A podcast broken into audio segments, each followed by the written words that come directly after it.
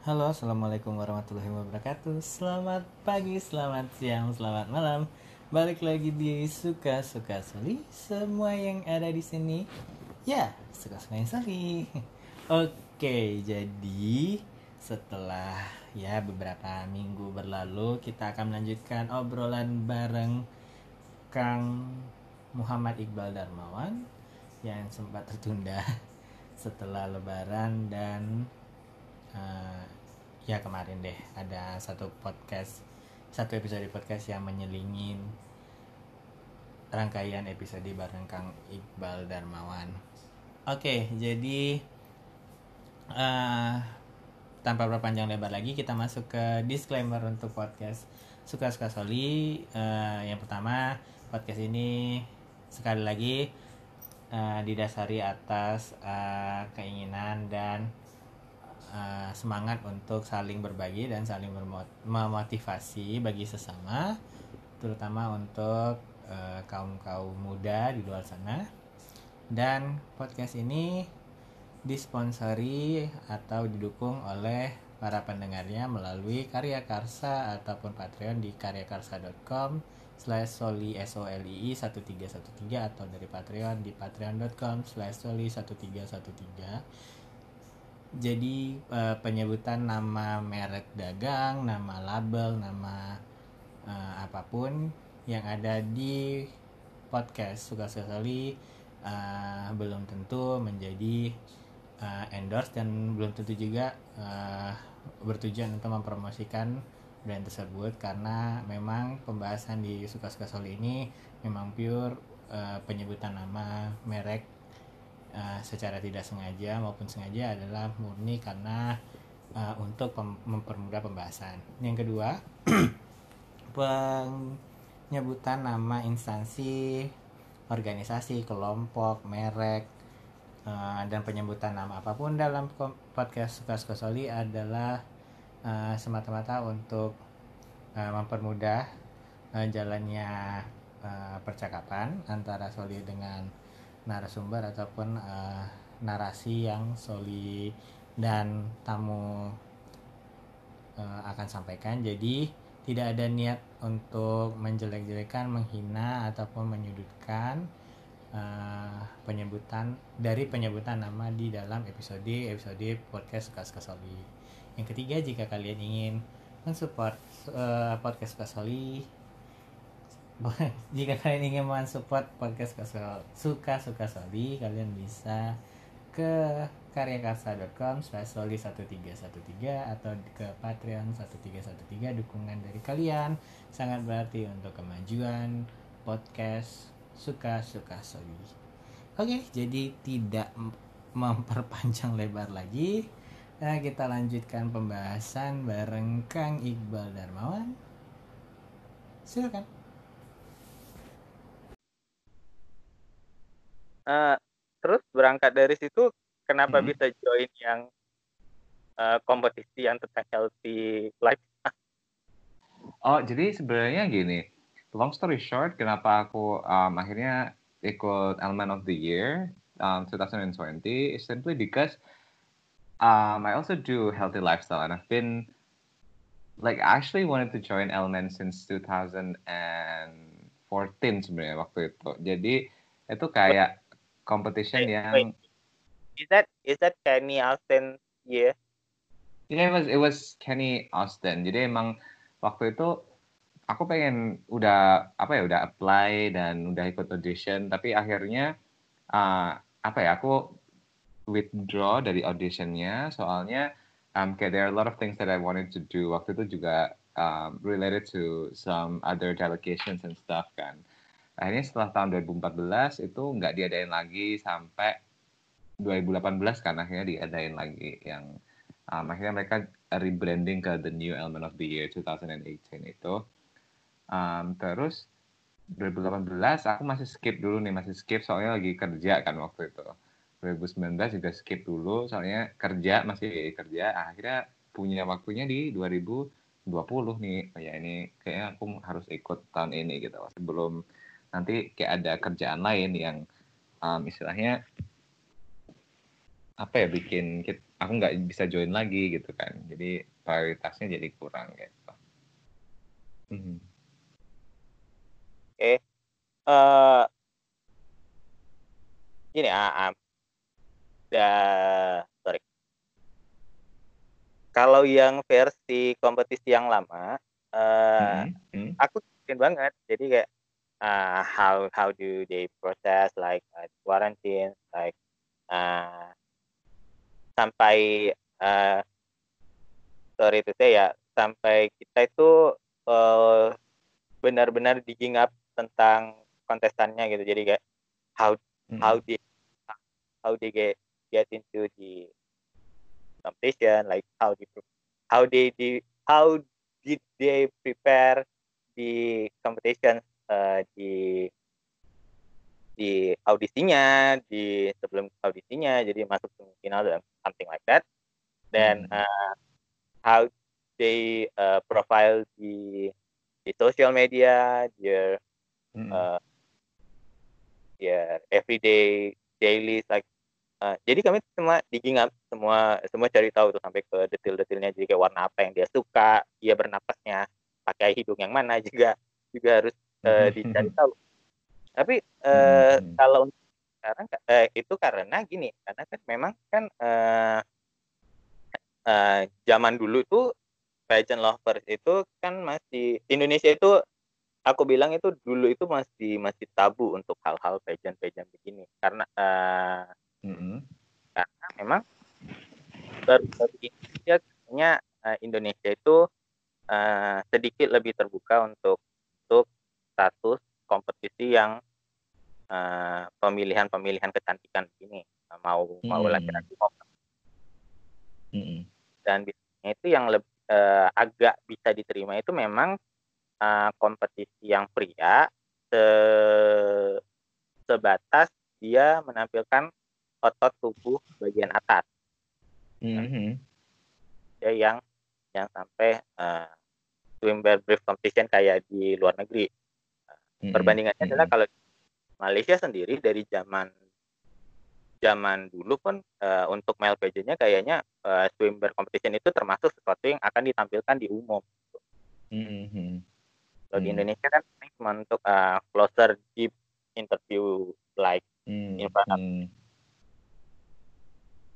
mm-hmm. Terus makin kemari, uh, nah itu brand susu berubah berubah formatnya nih. Jadi kayak uh, uh, I can I can say it was necessary a pageant because uh, yaitu ada ada sesuatu yang aku rasa hilang tapi uh, dihilangkan karena uh, hmm. nah memang ini proses pencariannya pun dia kayaknya udah nggak roadshow lagi satu terus dia hmm. uh, kita tuh benar-benar blank gitu dengan dengan model kompetisi yang ini jadi kalau aku bilang sih hmm. uh, kompetisi yang model sekarang itu lebih ke mirip ke uh, kompetisi untuk yang yang delegasi yang kayak uh, Asian Youth itu konsepnya hmm. Hmm. Nah, kan uh, mereka memilih pun uh, semifinalis itu juga bukan bukan seperti dulu mereka ngelihat uh, whole body package terus baru lihat oh dia pernah ini pernah ini pernah ini pernah ini hmm. jadi kayaknya sih lebih ke sekarang kayaknya modelnya kayaknya lebih ke pageant yang yang uh, ini orang punya apa untuk di ditunjukkan dibandingkan dengan dia sudah berapa lama nampak body. Hmm. Jadi mungkin gini, um, untuk image dari competitionnya memang berubah ya. Soalnya kan dari namanya pun udah berubah gitu loh. Um, previously we have um, element of the year, tapi sekarang um, ada tagline yang baru kan ada the new element of the year gitu kan, which juga kayak format dari competition juga beda gitu kan. Sekarang mungkin um, element memang lagi nyari istilahnya uh, ambassador buat produknya dia gitu loh, eh, per se. Tapi untuk kayak pendelegasian ke male pageant yang lain kayak uh, mungkin kalau misalnya sekarang elemen emang lagi pegang uh, lisensi dari beberapa competition kayak uh, Mr. International, Mr. Supernational, sama uh, Mr. World kan. Nah itu pun kan mereka juga nggak milihnya dari um, pemenang satunya gitu loh. Maksudnya uh, anyone in the grand finalist can be one of the delegations in either one of the competitions gitu kan. Yang istilahnya sesuai dengan kriteria dari uh, pageantnya itu sendiri. Tapi kalau untuk competitionnya, the main competition was intentionally untuk nyari um, brand ambassador-nya dari elemen sendiri gitu loh. Nah, uh, sekarang pun formatnya juga beda kan dengan adanya kayak social media gitu. Kita um, as mungkin as an elemennya sendiri mereka mau cari influencer yang nggak um, cuman apa ya kayak influencer as in a whole package gitu lah. Jadi dia bisa menginspirasi dari uh, gaya hidup sehat iya, mungkin terus juga di backgroundnya juga iya gitu kan.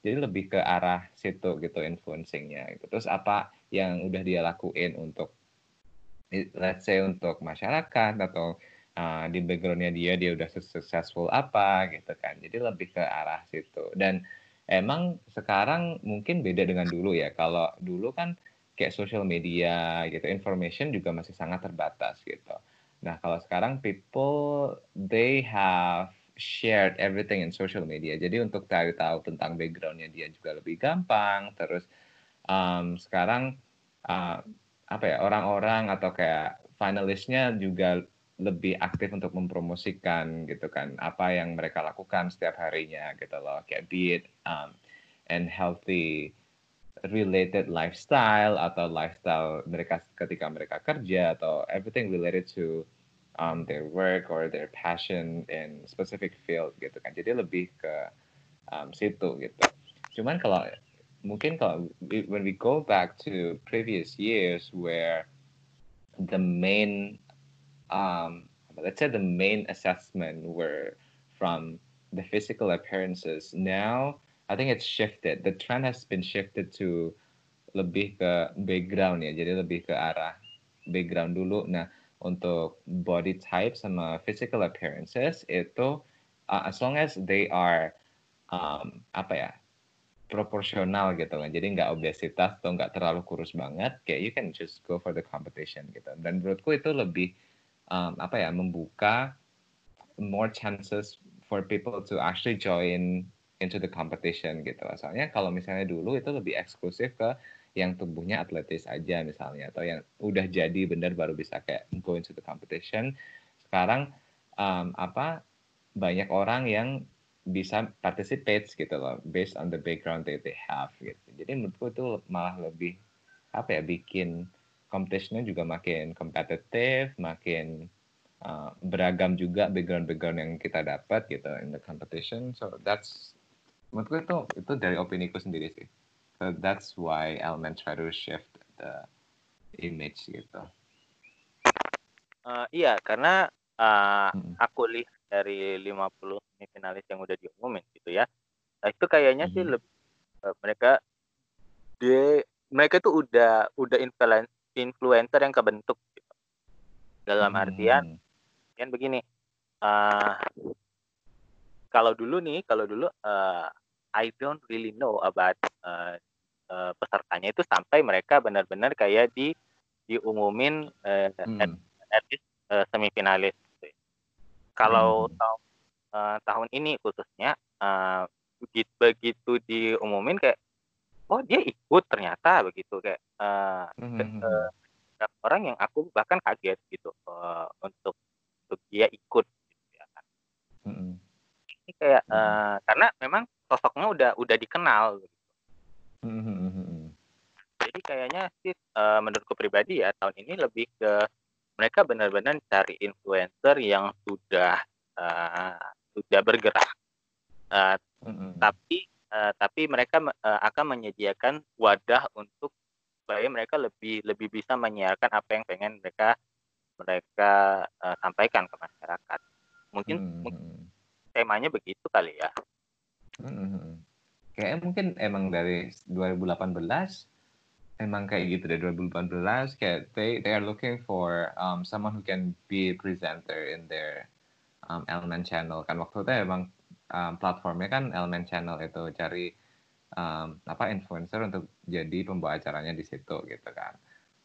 tapi juga um, beberapa dari grand finalistnya emang dikirim ke male pageant gitu not necessarily the winner but then get some of the contestant itu dikirim ke male pageant gitu. Terus yang 2019 lebih ke arah health influencer. Dan I think 2020 ini juga sama kayaknya kurang lebih kayak di 2019 gitu. Ya kayaknya lebih uh, lebih kayak uh, ya sekali lagi aku bilang uh, 2019 aku juga nggak ngikutin banget. Jadi kayak hmm. uh, uh, sama Ari sama uh, Maman juga aku bilang di 2019 itu aku cuma kayak ya oke okay, itu grand final terus aku lihat di hmm. di di jajarin uh, finalisnya dan I say like uh, aku nggak tertarik dengan dengan dengan uh, kontestan yang dari provinsi mana pun uh, selain hmm. uh, Yogyakarta tahun itu dan kenapa uh, aku bilang ini orang pasti top 3 karena prediksi mm -hmm. uh, Dr. Danar juara dua ya tahun lalu ya uh, nggak tahu kenapa ya mm, jadi right, right.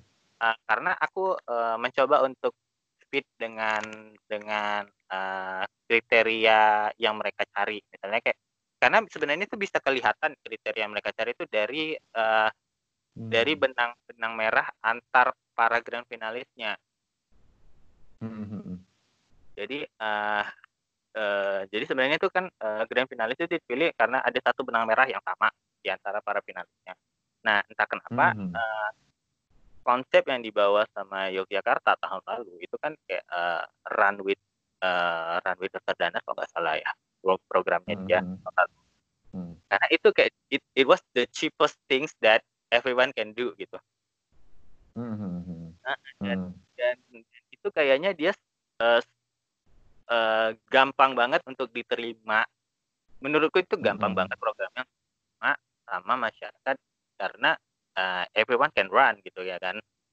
Mm -hmm. Dan dan dan dia itu uh, benar-benar ngajak dan benar-benar ngajak masyarakat yang ya secara umum melalui sosial medianya dia untuk ya ikut lari gitu. Dia dianya juga ikut lari. Misalnya saya cek uh, kita uh, dia bilang dia mau lari dari sini sampai sini yuk ikutan barengan gitu jadwalnya jam uh, jam ini gitu ya udah jadi nanti pada hmm. semua uh, habis selesai lari baru lagi larinya atau lagi bareng teman jadi kayak kayaknya sih lebih dap lebih kena sih itu that, that's why kenapa aku predik dia harusnya juara satu tahun lalu tapi nggak tahu ya mungkin right. ada nilaian dia uh -huh. yang tergantung gimana tapi aku uh, ya itu senang aja nah hmm. karena uh, Little Lizard kayaknya ya aku yakin dia itu pasti masih tiga besar karena the way the way hmm. he speak the way the way he answer the question itu benar-benar ngena hmm. ya.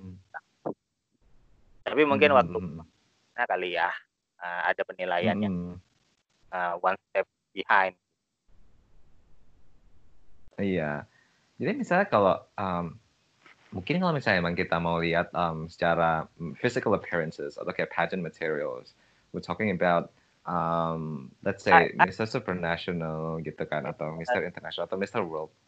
Itu kan apa mereka akhirnya milihnya yang berangkat kan uh, siapa Enrique terus uh, uh, iya Radit karena, karena sebenarnya uh, untuk pageant internasional itu memang ada standar ada standar yang harus mm. kita kita ikutin uh, let's say they have to they have to compete in swimwear competition uh, mm-hmm. kayaknya sih uh, menurut aku pribadi ya kayaknya untuk uh, kategori seorang uh, dokter yang yang punya ada kredibilitas itu uh, memang tidak tidak masalah sih mungkin uh, tapi kayaknya mm. uh, mungkin akan berimpact pada profesi ya mungkin ya mm-hmm. Iya ya, jadi kayak mungkin hal-hal kayak gitu juga dikonsiderasiin gitu kan sama uh, let's say sama pihak elemennya gitu. Jadi lebih apa akhirnya mereka cari yang memang fit into the criteria gitu kan of the pageant. Gitu. Which is really um just fun. Mm -hmm. uh, ya kenapa? Gimana? Ya kenapa? Oh, enggak, enggak maksudnya uh, ya itu tadi akhirnya kan kriterianya jadinya milihnya not on the basis of the winners gitu kan, tapi lebih ke siapa yang akhirnya lebih fit into the pageant gitu kan. Iya benar. Uh, jadi Mhm. itu adalah langkah yang benar aku bilang karena uh, kalau misalnya memang semua uh, pemenangnya di uh, diharuskan untuk ikut uh, international pageantnya, aku bilang sih nggak nggak Mhm. nggak akan fit kitanya nanti benar. Uh, Mhm. kalau misalnya memang memang kita udah cari uh, dari grand finalis yang memang fit untuk satu kompetisi ya itu aku bilang itu langkah yang benar. Mhm. Hmm, that's true. Tapi aku paling nggak suka sih ada sebutan pageant material. There is such a Mhm. there is not such a thing as pageant material I think. Mhm. Karena karena gini eh eh, nggak tahu ya portal-portal pageant itu kan eh, banyak fansnya masing-masing gitu. Terus fans-fansnya itu kan sering ada bikin komentar kayak eh, she's she has the pageant material thing, he has the pageant material thing. Aku rasa itu material thing itu kayaknya itu kayak something yang dibuat-buat gitu. Karena Mhm. sebenarnya everyone has has pageant material thing. Kalau dia tidak Mhm. punya material thing, dia nggak mungkin masuk gitu. Mhm. Heeh, jadi kayak eh, menurutku pribadi pageant material thing itu nggak ada. Karena kan gini, eh, karena semuanya itu kan eh, masuk jadi finalis, either semifinalis itu kan karena mereka sudah men, me- menchecklistin semua standar yang dibutuhkan untuk eh, untuk dipilih jadi juara begitu kan. Jadi Mhm. bilang sih eh, ada yang bikin komentar is pageant materials is not pageant material kayaknya itu bilang itu kayak eh, you are not the judge in, in that competition Mhm. Mhm. Eh, karena kan kita kan Mhm. tahu ibaratnya kayak gini ibaratnya kayak eh, personality orang-orang itu kan di eh, personality orang-orang itu kan not based on this on these photos right jadi kita tuh nggak bisa Right. ngejudge kepribadian orang itu via foto atau via Mhm. dokumentari apa pun gitu.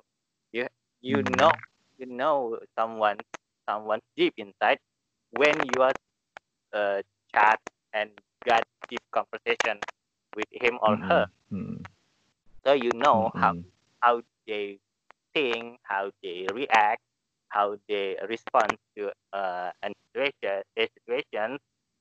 Mhm. Ya jadi eh, aku bilang sih eh, enggak deh kayaknya kayak something like pageant material is not such thing. I think ya. Mm-mm. Ya, jadi sebenarnya emang kayak when we talk about pageant materials, there is sebenarnya emang nggak ada guidelines atau nggak ada standard dari um, kayak specific organizations bahwa yang harus ikut pageant ini tuh harus kayak gini-gini kriterianya. Jadi emang itu emang nggak ada gitu kan. Cuman mungkin um, kayak orang-orang lebih ke arah apa ngelihat dari past winners-nya. Jadi past winners-nya itu dia punya karakter apa sih gitu kan. Misalnya kayak dia punya uh, karakter yang charming atau dia punya karakter yang berwibawa atau punya karakter yang punya bakat ini itu ini itu yang sebenarnya mereka akhirnya tarik benang merah oh inilah uh, kriteria dari specific pageant gitu which is not necessarily true because when it comes to the pageant itself kita juga nggak tahu gitu maksudnya kayak pageantnya sendiri mereka punya kriteria sendiri juga gitu in the competition kan cuman mungkin orang-orang akhirnya uh, apa ngerelate dari past winners-nya itu dia seperti apa gitu kan. Nah terus tapi kalau misalnya kita ngomongin um, competition-nya sendiri in national level gitu, I do agree kalau uh, misalnya uh, di organization nationalnya, mis- misalnya kayak Element of the Year gitu, mereka punya standar sendiri kan, dan mereka punya istilahnya aim sama goal sendiri, kenapa mereka mau ngadain Element of the Year gitu, atau kenapa specific organizations itu kayak um, apa punya sebuah um, pageant gitu. Soalnya mereka juga mau mm, apa nge marketingin produknya mereka gitu. Mereka juga mau um, promosiin pariwisata gitu. Misalnya if it, if talking about um, some other um, female pageant gitu kan. Nah, terus kalau untuk elemen sendiri mungkin lebih ke arah uh, buat influencing health, um, healthy lifestyle gitu-gitu kan. Jadi sebenarnya kalau untuk kriteria tersebut memang udah apa ya para grand finalistnya emang udah ngecek um, apa ya kayak mereka udah checklistin semua kriteria gitu loh. Tapi cuman kalau untuk um, kayak international pageantnya itu juga baik lagi sih ke organizationnya gitu kan. Jadi kayak organizationnya mereka mau gitu yang kayak gimana, terus backgroundnya yang kayak gimana yang mau dikirim. Tapi back again, kayak ketika kita ngomongin um, some of the uh, pageant observer atau yang kamu bilang kayak pageant lovers gitu kan, mereka punya uh, apa? Mereka punya favorit, apa ya? Punya sense of favoritism to a certain pageant yang mereka pengen uh, ini orangnya kayaknya cocok deh dengan karakter pageant ini. Nah, mereka tuh cuman menurutku ngelihatnya dari past winners dari sebuah ajang tersebut gitu. Akhirnya mereka ngerelate bahwa oh, ini orang cocok nih sama pageant ini gitu. Not necessarily orang ini sebenarnya memang apa ya kayak uh, ngewakilin apa yang organization dari internasionalnya sendiri itu perlukan gitu. Soalnya kita pun juga menebak-nebak kan, maksudnya kayak uh, sebuah ajang ini tuh oh kayak dia nyari yang kayak gini deh kayak itu semuanya kayak kayaknya jadi kayak assumption gitu loh not necessarily bahwa guidelines itu tuh udah di florin gitu sama organization ya gitu. and I think you've got a point on that gitu. iya karena uh, karena gini ya uh, semua orang itu kan punya pendapat ya everyone has their mm -hmm.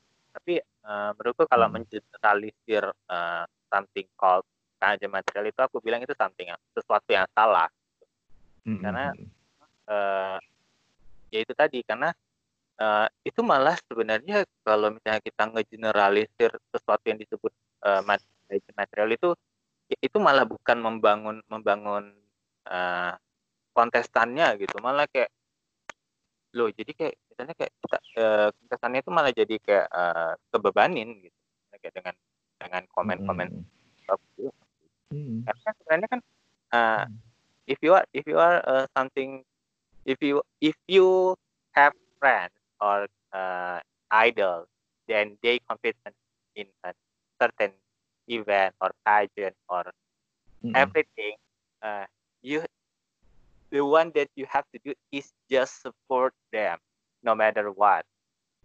Mm -hmm.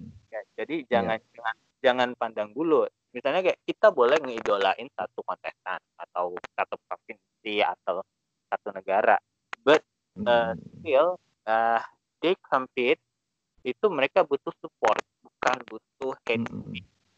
aku bilang. Jadi kalau misalnya dengan dengan memba membebani mereka itu dengan komen-komen di kayak kayak uh, di portal pageant terus uh, di di bashing itu saat misalnya kayak uh, ada portal pageant yang nguarin foto-foto finalis kan biasa kan itu kan untuk promote itu event. Ini ada ini ada loh ini. Hmm. yang kita lakukan seharusnya Indonesia itu yang harus kalian lakukan adalah mendukung mendukung. Dalam artian kita boleh mendukung spesifik ke satu orang. Nggak apa-apa tapi ya udah jangan jelek-jelekin orang yang lain. Karena hmm. karena uh, somehow kalau misalnya kita ngejelekin yang lain terus dia menang per juri itu kan jadi kayak beban bagi bagi yang menang karena mm -hmm. uh, dia udah tahu duluan kalau dia dia itu dia aja udah punya haters gitu. mm -hmm. jadi kayak uh, jadi kayak aku misalnya kayak mending begitu mending kita support uh, kalaupun kita memang punya negatif komen don't stay on social media don't mm -hmm. Uh, any portal don't say it anywhere just say it in your heart, in your mind. Hmm. Ya, uh, jadi kayak, mm -hmm.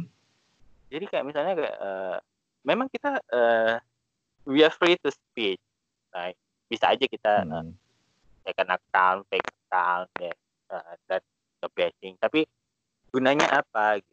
Gunanya apa? Jadi kita kan uh, bisa aja nanti lu yang ada di posisi mereka, terus lu di di kenain yang sama dengan seperti yang mereka lakukan ke eh, yang lu lakukan ke mereka.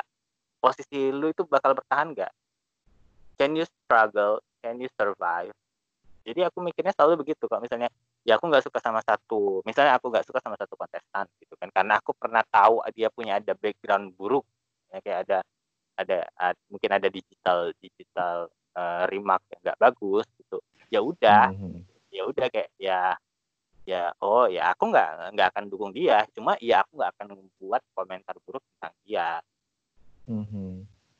jadi aku tetap ya fokus aja nge, nge ngepromoin yang aku suka gitu. mm-hmm. mungkin apa ya kayak itu baik lagi ke downside dari um, social media that we have gitu. Soalnya kan in social media everyone is free to speak, everyone they have their own platform to uh, to actually you know voice out their opinion gitu kan in social media. Tapi baik lagi kalau kalau masalah itu mungkin itu menurutku sangat personal ya kayak jadi itu case per case individuals gitu loh. Dan when it comes to whether you wanted to support someone atau mau um, favoritism upon you know a certain contestant, I think it's it's everyone's right to do so. Tapi cuman yang yang nggak boleh tadi kan kayak misalnya kayak ngejatuhin kontestan lain gitu kan atau kayak mungkin ngebash kontestan lain biar terkesannya uh, kontestan yang dia favoritin itu terlihat um, punya spotlight dan kayak gitu. Memang itu itu yang nggak baik sebenarnya gitu kan. Because um, either way gitu loh. At the end kita juga bakal um, mungkin um, we're going to represent our countries gitu loh, which is also part of you and part of the contestant um, themselves gitu kan.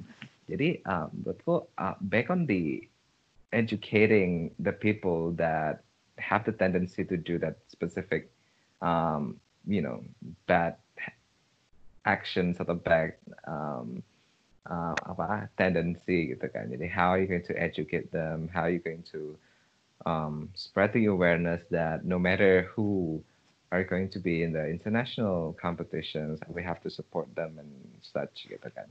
Jadi emang lebih ke arah um, apa educating the individuals gitu terus lebih ke arah um, apa ya mengepromote understanding bahwa social media is is a free platform dan apa pun yang mereka tulis di sana gitu apa pun yang mereka uh, apa ya voice out in di social media itu bakal jadi digital um, footprint gitu untuk orang-orang tersebut. So uh, dan menurutku orang-orang yang melakukan apa kegiatan-kegiatan kayak bashing atau um, apa ya sampai yang dal sampai ke tahap ngebully um, peserta yang lain gitu tuh menurutku mereka memang kurang punya understanding ke arah sana gitu. Dan um, obviously they're not using their own account gitu. Okay they they they are going to use fake account to voice out their voices because uh, they do not want people to know who they really are which is uh, apa? Menurutku itu um, coward banget gitu loh. Kayak if you want to say something at least you have to be responsible on what you're saying gitu kan. Jadi lebih ke situ sih. Educating the people terus juga kayak kasih mereka understanding kalau semuanya yang um, ada di finalist ini kayak they are equally deserving if not then they won't be there in on the board gitu loh. So I think I think that's the problem of the individuals gitu not the finalist. Oke, sebelum lanjut di pembahasan podcast kali ini, Soli ingatkan kembali untuk kalian yang mau mendukung podcast Suka-Suka Soli, kalian bisa kirimkan dukungan kalian melalui Patreon di patreon.com slash solii 1313 atau melalui Karya Karsa di karyakarsa.com slash solii 1313 dukungan kalian sangat berarti untuk podcast ini. Terima kasih. Lanjut di pembahasannya. Oke, uh, kita tahan lagi uh, obrolan bareng Kang Iqbal Darmawan karena masih ada satu bagian lagi dari percakapan dan pembicaraan dan perbincangan asik dan seru dan greget bareng Kang Iqbal Darmawan. Oke, jangan lupa untuk kalian yang ingin tahu lebih lanjut tentang Kang Iqbal Darmawan, kalian bisa uh, follow Instagramnya. Nanti aku kasih linknya di show notes yang ada di episode kali ini. Hmm, gitu aja deh kayaknya oh ya jangan lupa untuk uh, dukung terus uh, podcast suka Soli saya Soli pamit Halo, terima kasih sudah mendengarkan Suka-Suka Soli. Suka-Suka Soli sudah ada di Anchor FM, Penyu FM, Cashbox, Spotify, Google Podcast, Apple Podcast, dan aplikasi-aplikasi podcast pilihan kalian. Linknya bisa kalian lihat di link tr.ii slash soli s o l i i underscore solihin s o l i h i n.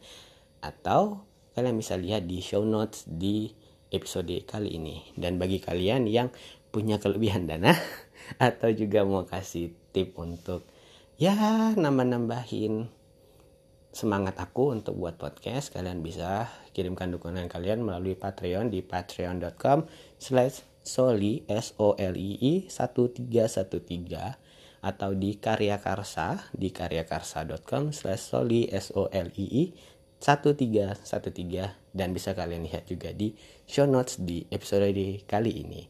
Terima kasih